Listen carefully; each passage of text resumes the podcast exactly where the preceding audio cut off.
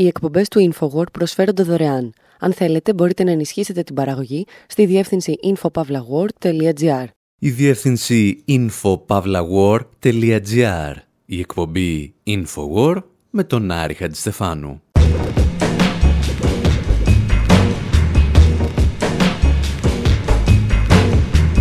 όπου σήμερα εξετάζουμε ορισμένους μύθους για τη Ρωσία και την Ουκρανία σε τυχαία σειρά.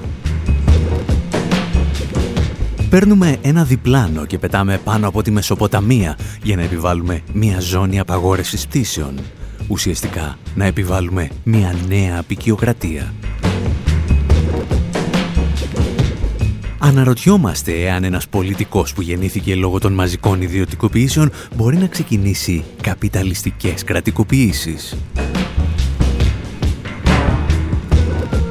Υποθέτουμε δηλαδή ότι ο Πούτιν δεν είναι η συνέχεια της Σοβιετικής Ένωσης, αλλά ένα τέρας που δημιούργησε άθελά της η σχολή του Σικάγου. Και τέλος, αναρωτιόμαστε πώς μπορείς να αποναζιστικοποιήσεις μια χώρα και να χαίρονται μόνο οι Ναζί.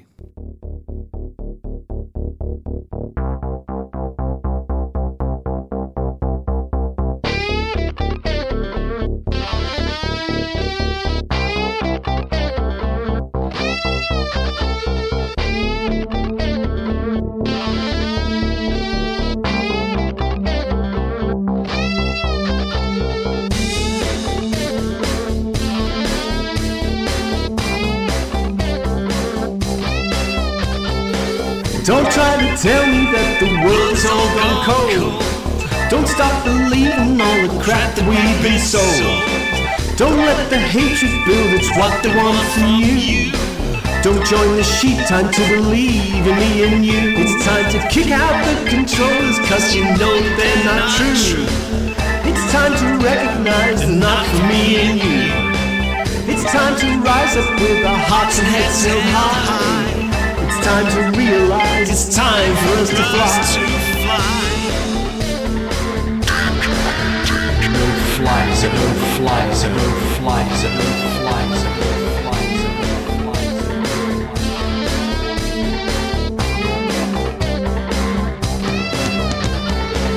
Let's all start learning from mistakes we made before.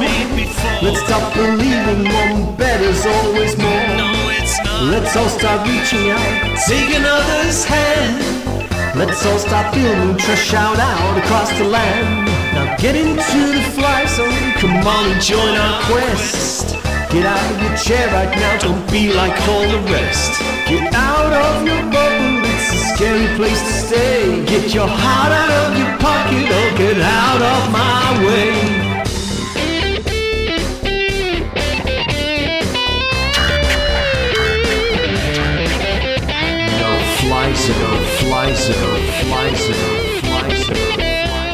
Το τραγούδι που ακούμε λέγεται No Fly Zone και το συγκρότημα ακούει στο όνομα The Grand Experiment.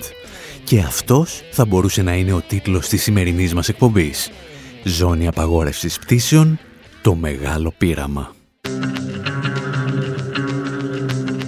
Η συζήτηση για τις ζώνες απαγόρευσης πτήσεων επανήλθε στην επικαιρότητα ύστερα από το αίτημα του Προέδρου της Ουκρανίας να δημιουργηθεί μία πάνω από τη χώρα του.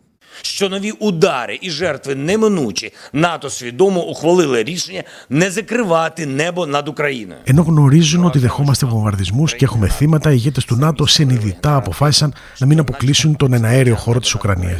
Οι χώρε του ΝΑΤΟ δημιούργησαν ένα αφήγημα που λέει ότι η δημιουργία μια ζώνη απαγόρευση πτήσεων θα προκαλέσει την επίδεση τη Ρωσία εναντίον του. Υπνοτίζουν τον εαυτό του όπω κάνουν οι αδύναμοι και οι φοβισμένοι. Και αυτό παρά το γεγονό ότι έχουν ισχυρότερα όπλα από εμά. Може володіти зброєю у рази сильнішою, ніж є у нас.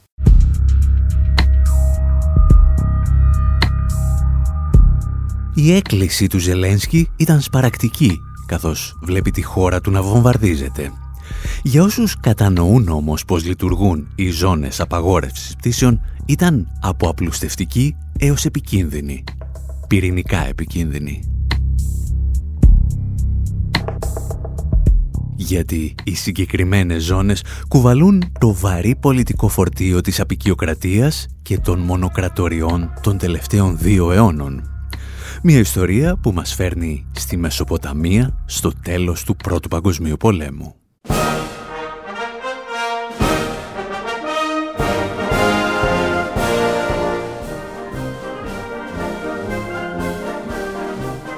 Το 1918 δημιουργείται η βασιλική πολεμική αεροπορία του Ηνωμένου Βασιλείου, η διαβόητη RAF.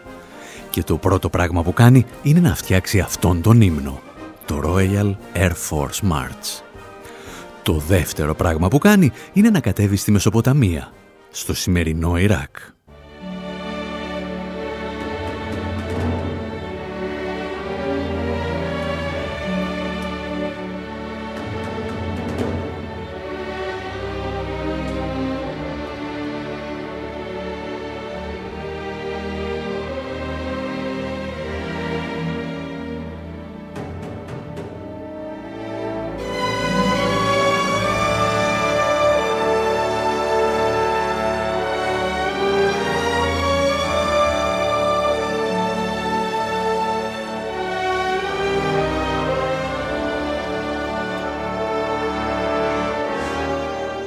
Την εποχή που αποχωρούν από την περιοχή πράκτορες του Βρετανικού στέματος όπως ο Λόρενς της Αραβίας έρχεται η ΡΑΦ για να πραγματοποιεί επιχειρήσεις εναέριας αστυνόμευσης στις Βρετανικές απικίες. Η αποστολή της είναι απλή.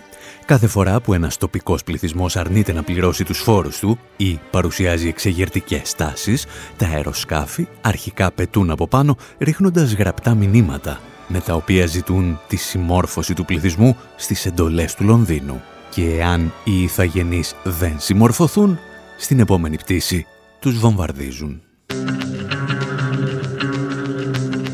Όπως ανέφερε με βρετανικό φλέγμα η ιστοσελίδα ιστορικών θεμάτων Weapons and Warfare, η συγκεκριμένη μέθοδος είχε χαμηλό κόστος και υψηλή αποτελεσματικότητα, αφού δεν απαιτούσε την ανάπτυξη χερσαίων δυνάμεων.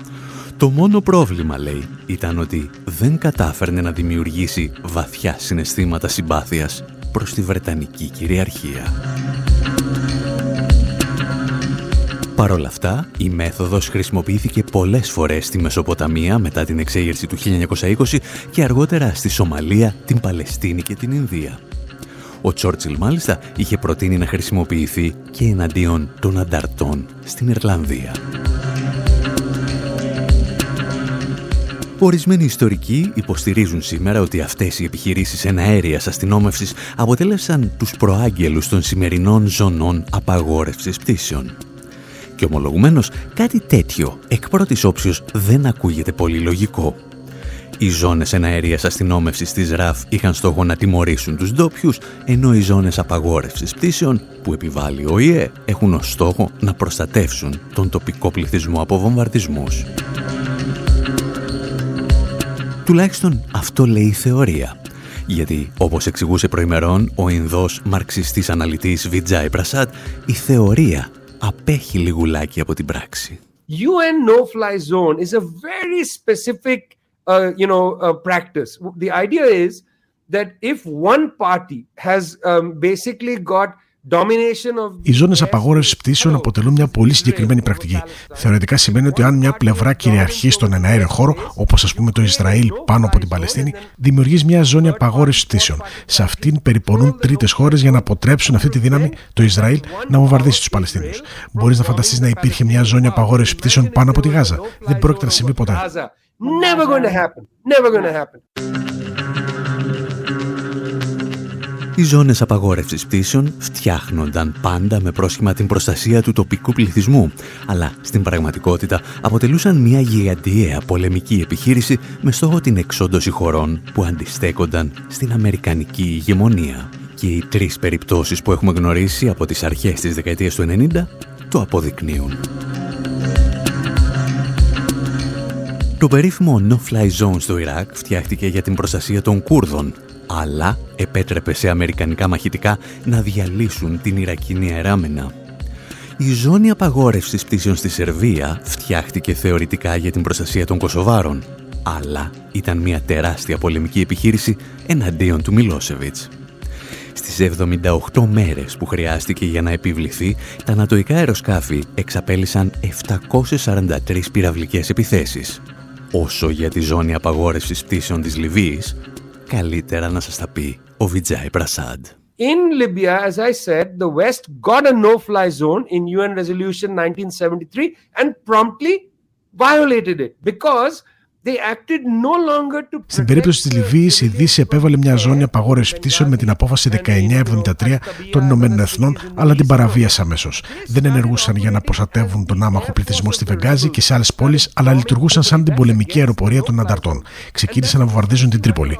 Αυτό αποτελεί παραβίαση της ζώνης απαγόρευσης πτήσεων. Και αυτό συμβαίνει κάθε φορά που η Δύση παίρνει εξουσιοδότηση για να επιβάλλει ζώνες απαγόρευσης πτήσεων. Τι παραβιάζει. Αυτό αποτελεί παραβίαση της απόφασης των Ηνωμένων Εθνών. Κανένας όμως δεν τους καταλογίζει αναλογίζει ευθύνες γι' αυτό.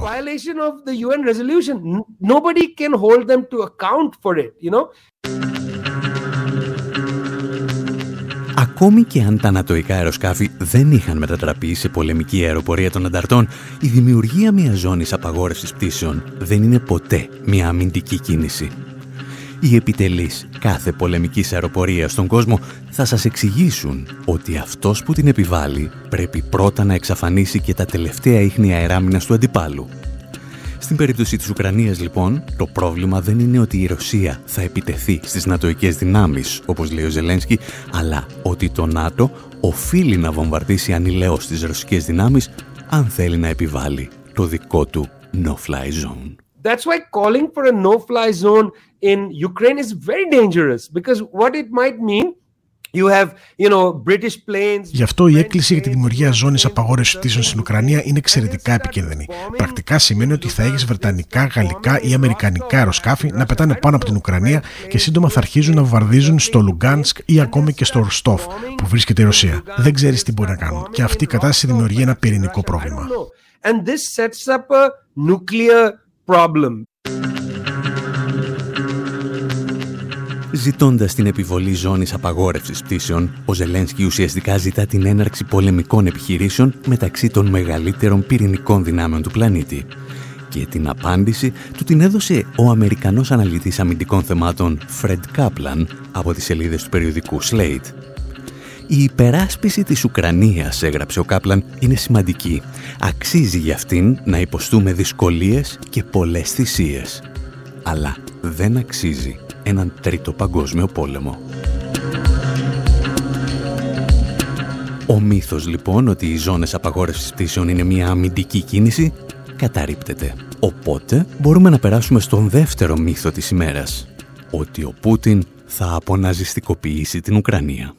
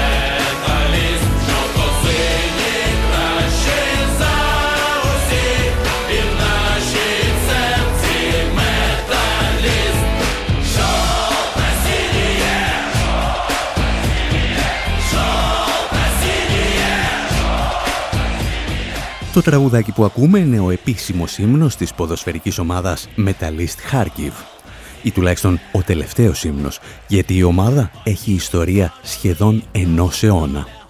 Ιδρύθηκε το 1925 στο Χάρκοβο από σοβιετικούς εργάτες που εργάζονταν σε ένα τοπικό εργοστάσιο παραγωγής αρμάτων μάχης. Και αυτό το γεγονός κάνει την ιστορία μας ακόμη πιο τραγική.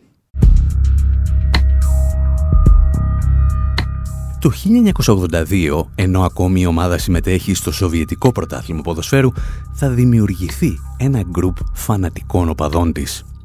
Οι Ούλτρας της Μεταλίστ Χαρκίβ θα ονομαστούν ΣΕΚΤ 82 και σχεδόν τρεις δεκαετίες αργότερα στην ανεξάρτητη πλέον Ουκρανία θα αποτελέσουν τον πυρήνα σε αυτό που σήμερα γνωρίζουμε ως Τάγμα Αζόφ. Το Τάγμα Αζόφ θα δημιουργηθεί το 2014 στην εξέγερση ή στο πραξικόπημα του Μαϊντάν. Θα αποτελέσει μια παραστρατιωτική ομάδα και δεν θα κρύψει ποτέ τα ναζιστικά χαρακτηριστικά της. Ακόμη και το Αμερικανικό FBI θα τεκμηριώσει με στοιχεία τις σχέσεις του τάγματος Αζόφ με τον ναζισμό. Γεγονός που δεν αποτρέπει βέβαια το Αμερικανικό Πεντάγωνο από το να χρηματοδοτεί την ομάδα με χρήματα των Αμερικανών φορολογούμενων. Ούτως ή άλλως, το τάγμα Αζόφ εντάχθηκε ήδη από το 2014 στην εθνοφρουρά της Ουκρανίας. Εντάχθηκε δηλαδή επισήμως στις ένοπλες δυνάμεις της χώρας. Και αυτοί δεν ήταν οι μόνοι ναζιστές στην πιάτσα. Με αφορμή την ύπαρξη τέτοιων ναζιστικών μορφωμάτων, ο Πούτιν βρήκε την ευκαιρία που ζητούσε για να παρουσιάσει την εισβολή στην Ουκρανία σαν μια επιχείρηση αποναζιστικοποίησης της χώρας. Και αυτό που ορισμένοι δεν θέλουν να καταλάβουν είναι ότι μπορείς ταυτόχρονα να καταδικάζεις τους Ουκρανούς ναζιστές και την εισβολή του Πούτιν. Τουλάχιστον τα κατάφερε ο Ουκρανός δημοσιογράφος Λεβ Γκολίνγκαν, μιλώντας στο Democracy Now! Ukraine does have a neo-Nazi presence, including a neo-Nazi regiment in its armed forces. Okay? The Azov. That does not give Russia any Στην Ουκρανία υπάρχουν νεοναζί, συμπεριλαμβανομένου ενός νεοναζιστικού τάγματος στι ένοπλε δυνάμεις της. Αυτό δεν δικαιολογεί την εισβολή της Ρωσίας ούτε σε ένα εκατοστό ουκρανικό εδάφο. Αυτά τα δύο στοιχεία μπορεί να είναι αληθή ταυτόχρονα και είναι εξαιρετικά κουραστικό να βλέπεις ανθρώπους να λένε ότι ισχύει μόνο το ένα. Από τη μία ακούς ότι ο Πούτιν είναι ένας σωτήρας που επιχειρεί να ελευθερώσει την Ουκρανία, άποψη που είναι για τα σκουπίδια. Από την άλλη όμως ακούς ανθρώπους να λένε Ε, λοιπόν, τότε η Ουκρανία δεν έχει καθόλου νεοναζί, οπότε δεν πρέπει να ανησυχούμε για αυτούς. Το αντίθετο. Μπορούμε να στερίζουμε την Ουκρανία και να εξασφαλίσουμε ότι αυτές οι ακροδεξιές ομάδες δεν θα έχουν πρόσβαση σε οπλισμό.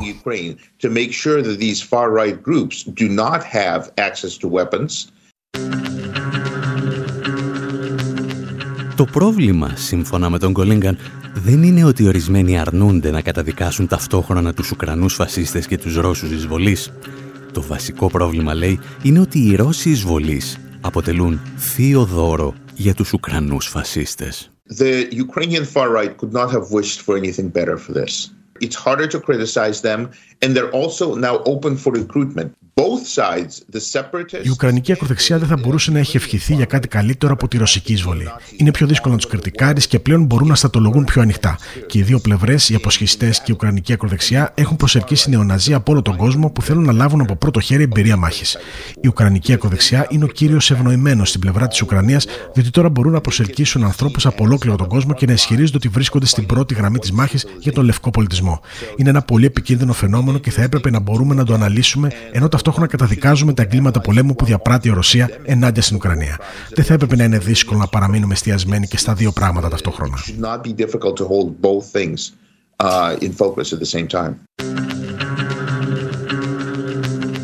Ο σύγχρονος Ουκρανικός ναζισμός λοιπόν τρέφεται από το ρωσικό εθνικισμό και το αντίστροφο.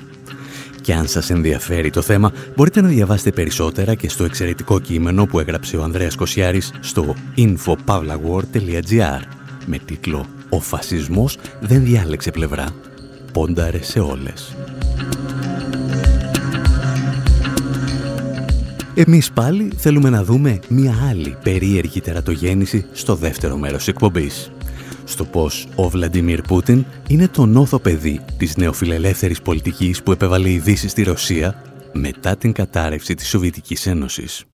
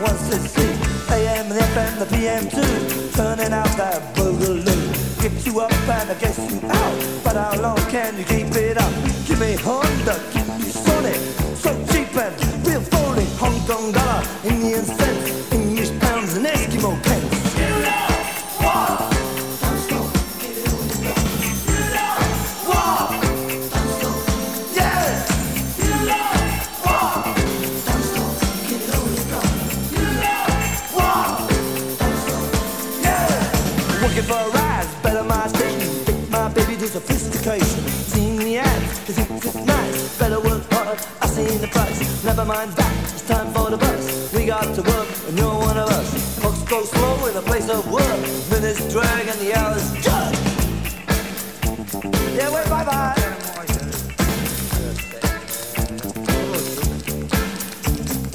Wait, bye bye bye to the boss. It's our profit, it's his loss. But anyway, the lunch bell ring. Take one out,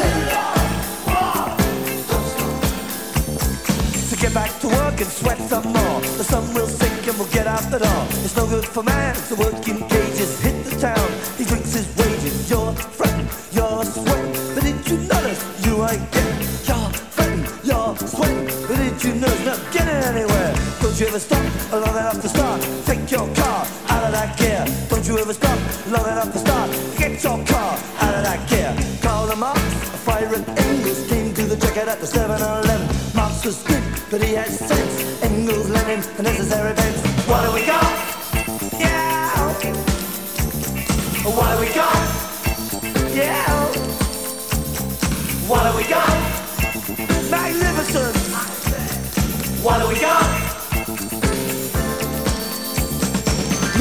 King and Mahatma Gandhi went to the park to check on the game. But they was murdered by the other team.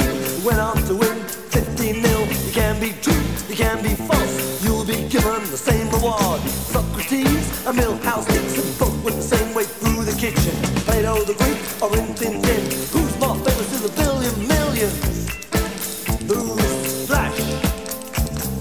Vacuum cleaner sucks up budgie.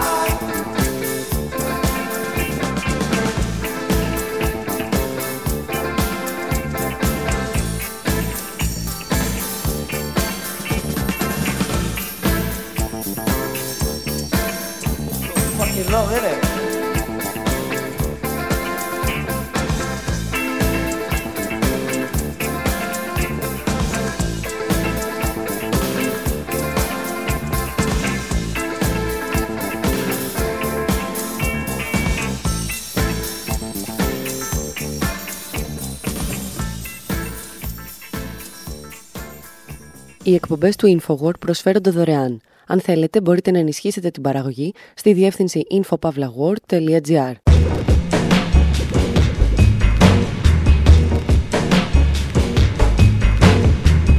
Εκπομπή InfoWord, μέρος δεύτερο. Όπου σήμερα καταρρύπτουμε μερικούς μύθους για την Ουκρανία και τη Ρωσία, οι οποίοι μας έρχονται στο μυαλό με εντελώς τυχαία σειρά. Είδαμε ότι η δημιουργία μιας ζώνης απαγόρευσης πτήσεων δεν ήταν ποτέ μια αμυντική κίνηση και ότι η αποναζιστικοποίηση της Ουκρανίας που υποσχέθηκε ο Πούτιν αποτελεί θείο δώρο για τους Ουκρανούς ναζιστές. Και λέμε στο δεύτερο μέρος της εκπομπής να αφήσουμε την Ουκρανία και να περάσουμε για λίγο στη Ρωσία. Διαβάζουμε τελευταία δημοσιεύματα σε αμερικανικά μέσα ενημέρωσης ότι ο Πούτιν είναι η συνέχεια της κομμουνιστικής Ρωσίας. Και εμείς αναρωτιόμαστε μήπως είναι το νόθο τέκνο του αμερικανικού νεοφιλελευθερισμού; Για να απαντήσουμε όμως με βεβαιότητα, θα πούμε δύο κουβέντες για την εποχή πριν από την αναρρίχησή του στην εξουσία.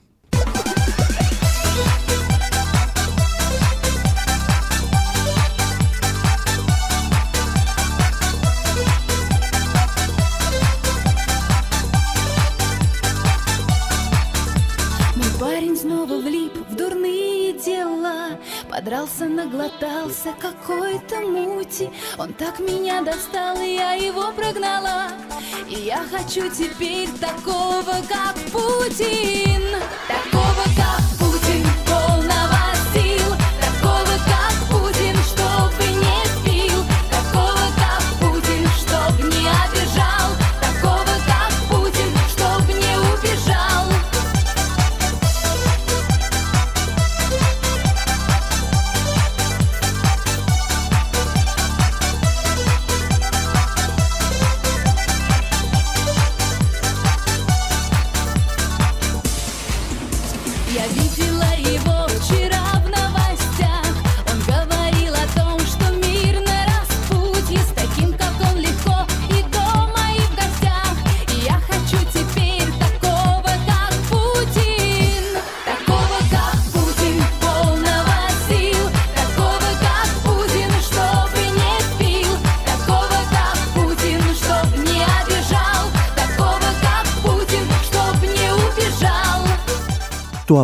το τραγουδάκι που σας έχουμε αφήσει να ακούτε εδώ και 1,5 λεπτό είναι αν θυμάστε ένα από τα πρώτα προπαγανδιστικά κομμάτια που γράφτηκαν για τον πρόεδρο της Ρωσίας, Βλαντιμίρ Πούτιν.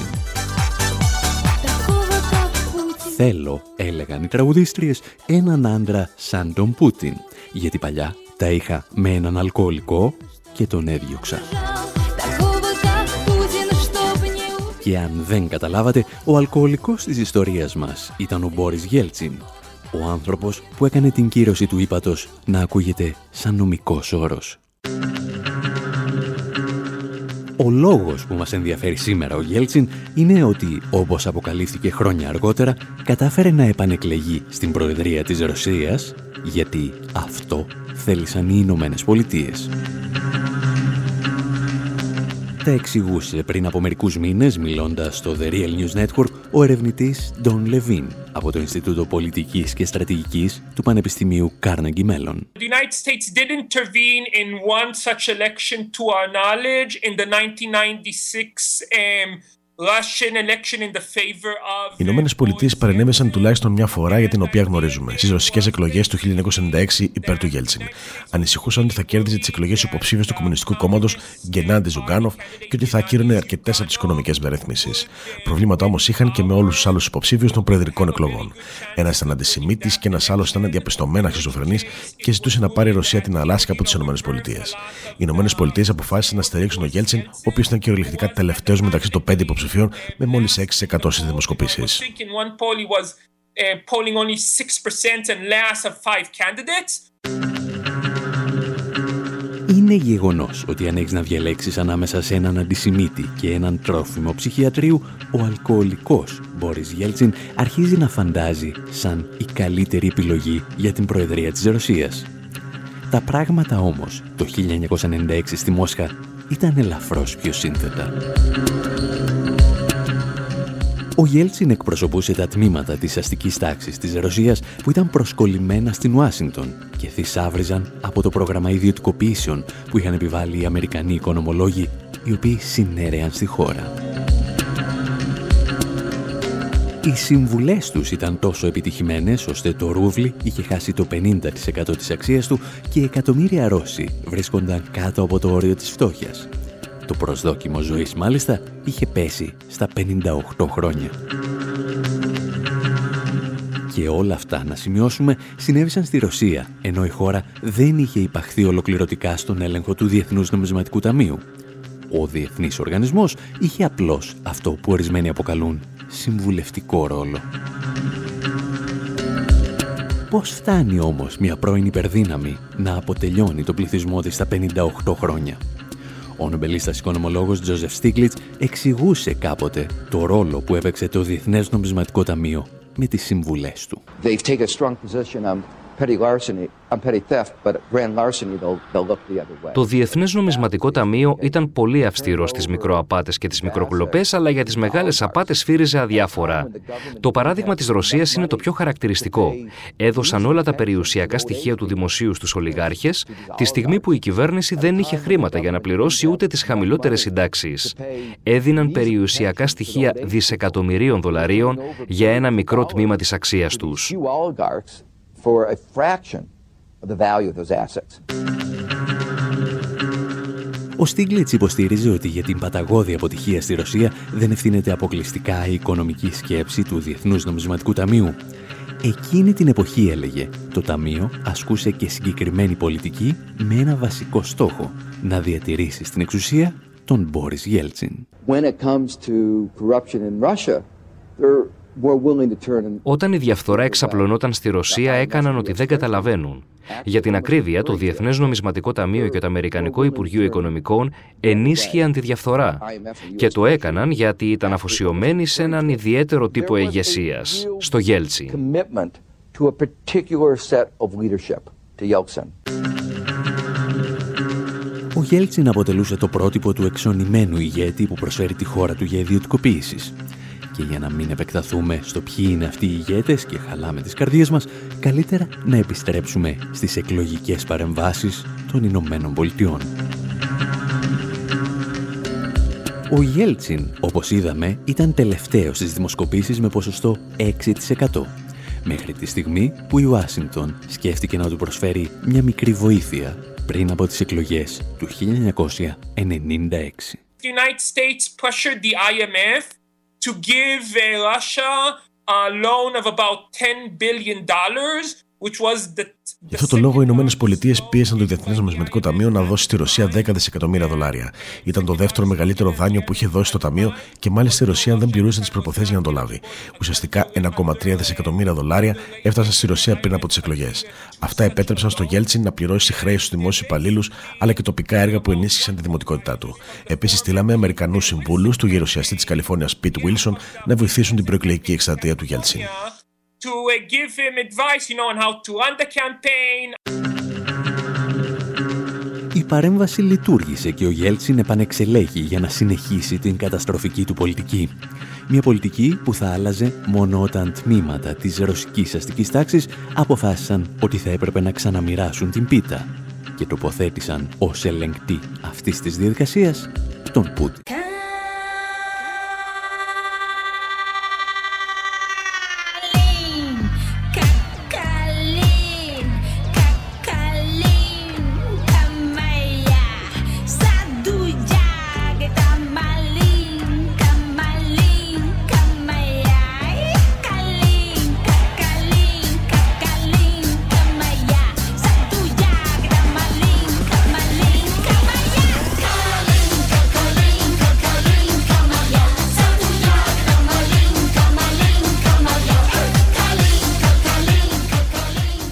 Στην εκπομπή Infowar με τον Άρη Χατζηστεφάνου θυμόμαστε την ιστορία της αναρρίχησης του Βλαντιμίρ Πούτιν στην εξουσία. Ενός ανθρώπου που τα δυτικά μέσα ενημέρωσης παρουσιάζουν σήμερα σαν συνεχιστή της Σοβιετικής Ένωσης. Θέλοντας προφανώς να συνδέσουν στο συλλογικό υποσυνείδητο έναν αιμοσταγή ηγέτη με τον κομμουνισμό. Όπως εξηγούσε βέβαια προημερών ο Ματ Ντάς, στενός συνεργάτης του Μπέρνι Σάντερς, οι λεγόμενοι ολιγάρχες και ο Πούτιν που κυβερνούν τη Ρωσία δεν είναι παιδιά του σοσιαλισμού, ακόμη και στην πιο αποτυχημένη εκδοχή του, αλλά μια τερατογέννηση του νεοφιλελευθερισμού. What is an oligarch? It is a it's a very wealthy and politically influential person, um, just in its broadest definition. Certainly, there is a set of oligarchs um, that that have a lot. Τι είναι ένας ολιγάρχης, Είναι ένα πολύ πλούσιο και πολιτικά ισχυρό άτομο με τον ευρύ ορισμό. Σίγουρα υπάρχει μια ομάδα ολιγαρχών που έχει ισχυρή επιρροή στη Ρωσία. Πρέπει να καταλάβουμε ότι ένας από τους λόγους που αυτοί οι ολιγάρχες έχουν τόση ισχύ, πλούτο και επιρροή είναι η νεοφιλελεύθερη θεραπεία σοκ που εφαρμόστηκε στη Ρωσία έπειτα από την κατάρρευση της Σοβιετικής Ένωσης. Αμερικανοί οικονομολόγοι ουσιαστικά πίεσαν τη Ρωσία να εκποιήσει την περιουσία του λαού, η οποία συγκεντρώθηκε στα χέρια αυτών των ολιγαρχών. Αυτό οδήγησε σε τέτοια οικονομική κατάρρευση και δυστυχία, η οποία με τη σειρά της επέτρεψε την άνοδο ενός συγκεντρωτικού ηγέτη όπως ο Πούτιν, ο οποίος έθεσε τους ολιγάρχες υπό τον δικό του έλεγχο. Um, you know, gathered the oligarchs under his own control. Πριν από 10 χρόνια είχαμε ταξιδέψει στη Ρωσία για το ντοκιμαντέρ μας «Καταστρόικα» και εκεί αναζητήσαμε και τα ίχνη των επιχειρηματιών που η Δύση αποκαλεί ολιγάρχες. Γιατί ολιγάρχες ονομάζουν τους δισεκατομμυριούχους μόνο στη Ρωσία. Όταν ζουν σε άλλες χώρες τους ονομάζουν άριστους φιλάνθρωπους και εντερπρενέρ. Αναζητώντας τέλος πάντων απαντήσεις για τις σχέσεις του Πούτιν με τους ολιγάρχες, είχαμε συναντήσει τότε τον Ρώσο μαρξιστή αναλυτή Μπόρις Καγκαρλίτσκι. Ο Καγκαρλίτσκι είχε περάσει από τις ρωσικές φυλακές στα χρόνια του Γέλτσιν και είχε φάει τις ποσότητες ξύλου που αναλογούν σε κάθε άνθρωπο που αντιμετωπίζει με γενναιότητα ένα αυταρχικό καθεστώς. Και ο Καγκαρλίτσκι άρχισε να μας εξηγεί τότε την εξέλιξη των ολιγαρχών από τα χρόνια του Γέλτσιν στα χρόνια του Πούτιν. The enterprise managers became shareholders. Οι διευθυντές των επιχειρήσεων μετατράπηκαν σε μετόχους και έτσι ξεκίνησε μια μετατροπή του ρωσικού καπιταλισμού από το μοντέλο των ολιγαρχών της δεκαετίας του 90 στο μοντέλο της επιχείρησης που θυμίζει πολύ το μοντέλο του δυτικού και του αμερικανικού καπιταλισμού. Έχουμε δηλαδή ένα γραφειοκρατικό μηχανισμό που τίθεται επικεφαλής. Η πορεία της επιχείρησης δεν στηρίζεται πλέον σε συγκεκριμένα άτομα.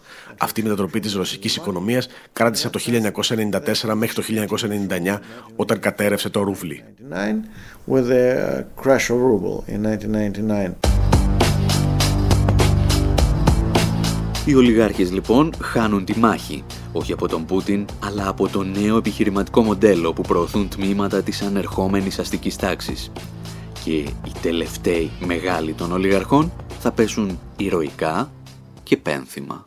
Yeah, the corporate model actually won το επιχειρηματικό μοντέλο κέρδισε τη μάχη με τους ολιγάρχες. Το τελευταίο μεγάλο οχυρό των ολιγαρχών ήταν ο Χανταρκόφσκι. Ήταν το τελευταίο οικονομικό κατασκεύασμα το οποίο δεν στεριζόταν σε επιχειρηματικούς κανόνες, αλλά στους κανόνες των ολιγαρχών. Είχαμε δηλαδή ένα άτομο με τους φίλους και τους συγγενείς του να ελέγχουν τα πάντα σαν τσιφλίκι.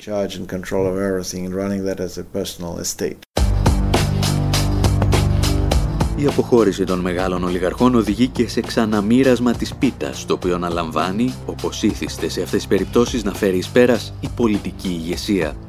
Κυρίως όμως δημιουργείται ένα νέο επιχειρηματικό μοντέλο και σύμβολο αυτού του μοντέλου, όπως μας εξηγεί ο Μπόρις Κακαρλίτσκι, είναι η Gazprom. So now we have a different model which was represented by Gazprom. Τώρα έχουμε ένα νέο μοντέλο το οποίο εκπροσωπεί η Gazprom. Πρόκειται για μια μεγάλη επιχείρηση με πολλούς μετόχους και μάνατζερ οι οποίοι έχουν τον απόλυτο έλεγχο. Η διοίκηση οργανώνεται με γραφειοκρατικά χαρακτηριστικά και λειτουργεί σαν κράτος εν κράτη.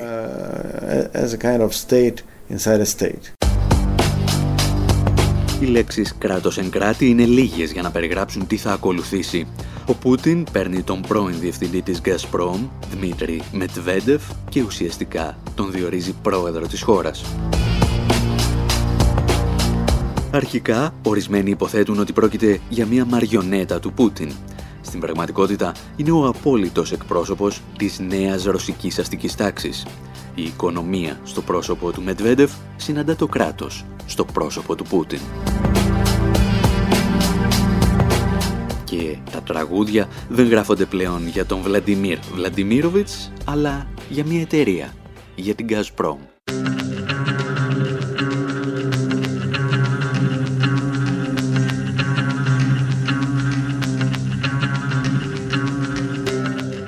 Η αστική τάξη της Ρωσίας θα μεταλλαχθεί αρκετές φορές στα 10 χρόνια από τη στιγμή που συναντήσαμε τον Καγκαρλίτσκι στη Μόσχα και σε κάθε της μετάλλαξη θυμίζει όλο και περισσότερο τους επιχειρηματίες της δύσης Με τη διαφορά, όπως είπαμε, ότι τους τελευταίους δεν είναι σωστό να τους αποκαλούμε ολιγάρχες.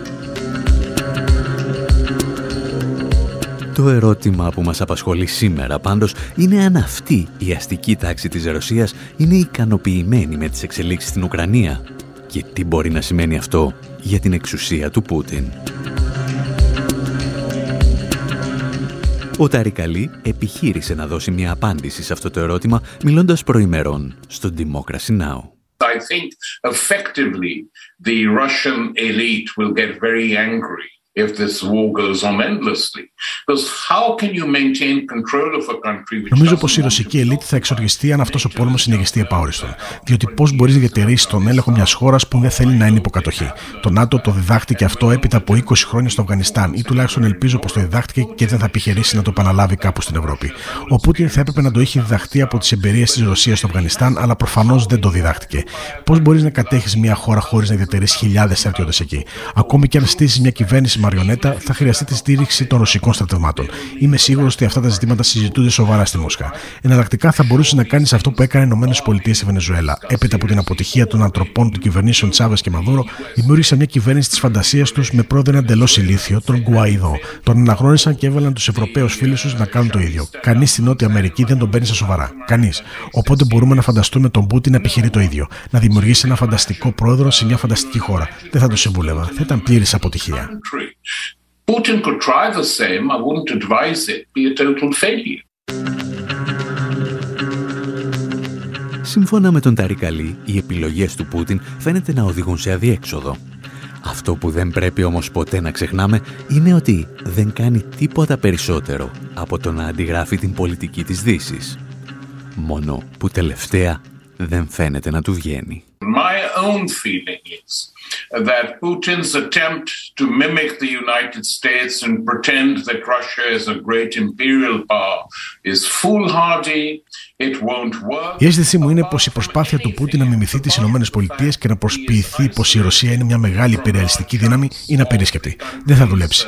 Πέρα από όλα τα άλλα, είναι απομονωμένος από μεγάλα τμήματα των χωρών γύρω του. Επίσης, αν κοιτάξει κανείς το ακαθάριστο εθνικό προϊόν της Ρωσίας, είναι 1,4 τρισεκατομμύρια δολάρια. Είναι λιγότερο και από της Ιταλίας και σίγουρα μικροσκοπικό σε σύγκριση με αυτό των ΗΠΑ, το οποίο φτάνει τα 20,9 τρισεκατομμύρια δολάρια. Δεν μπορεί ούτε να προσπαθήσεις να μιμηθείς τι ΗΠΑ, ακόμα και αν ήταν κάτι καλό που προφανώς δεν είναι. Attempt to mimic the United States, even were it a good thing, which it obviously isn't.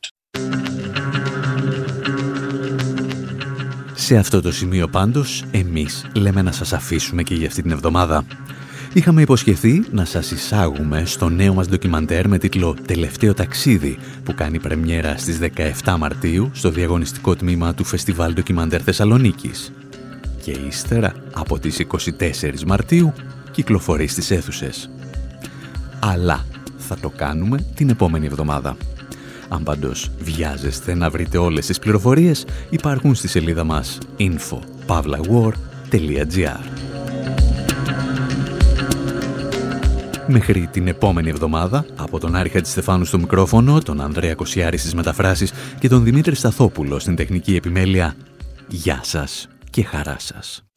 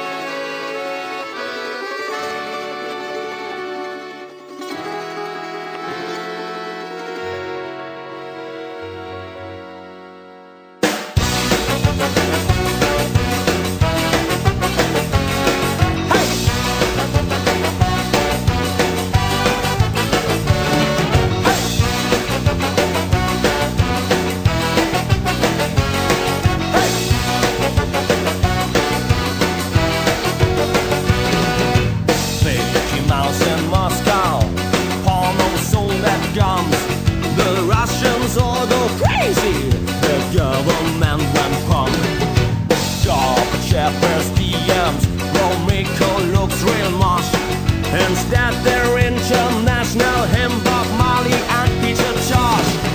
Forget all Marx and Lenin, who cares about the old farts? Let's party at the Kremlin.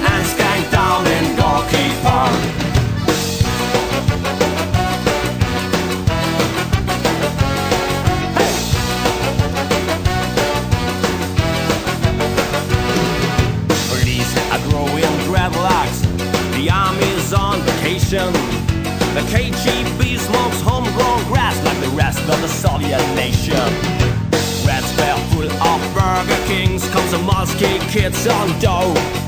Gimme, gimme vodka, the Russians sing, a ballad anyhow. Forget all Marx and Lenin, who cares about the old fart?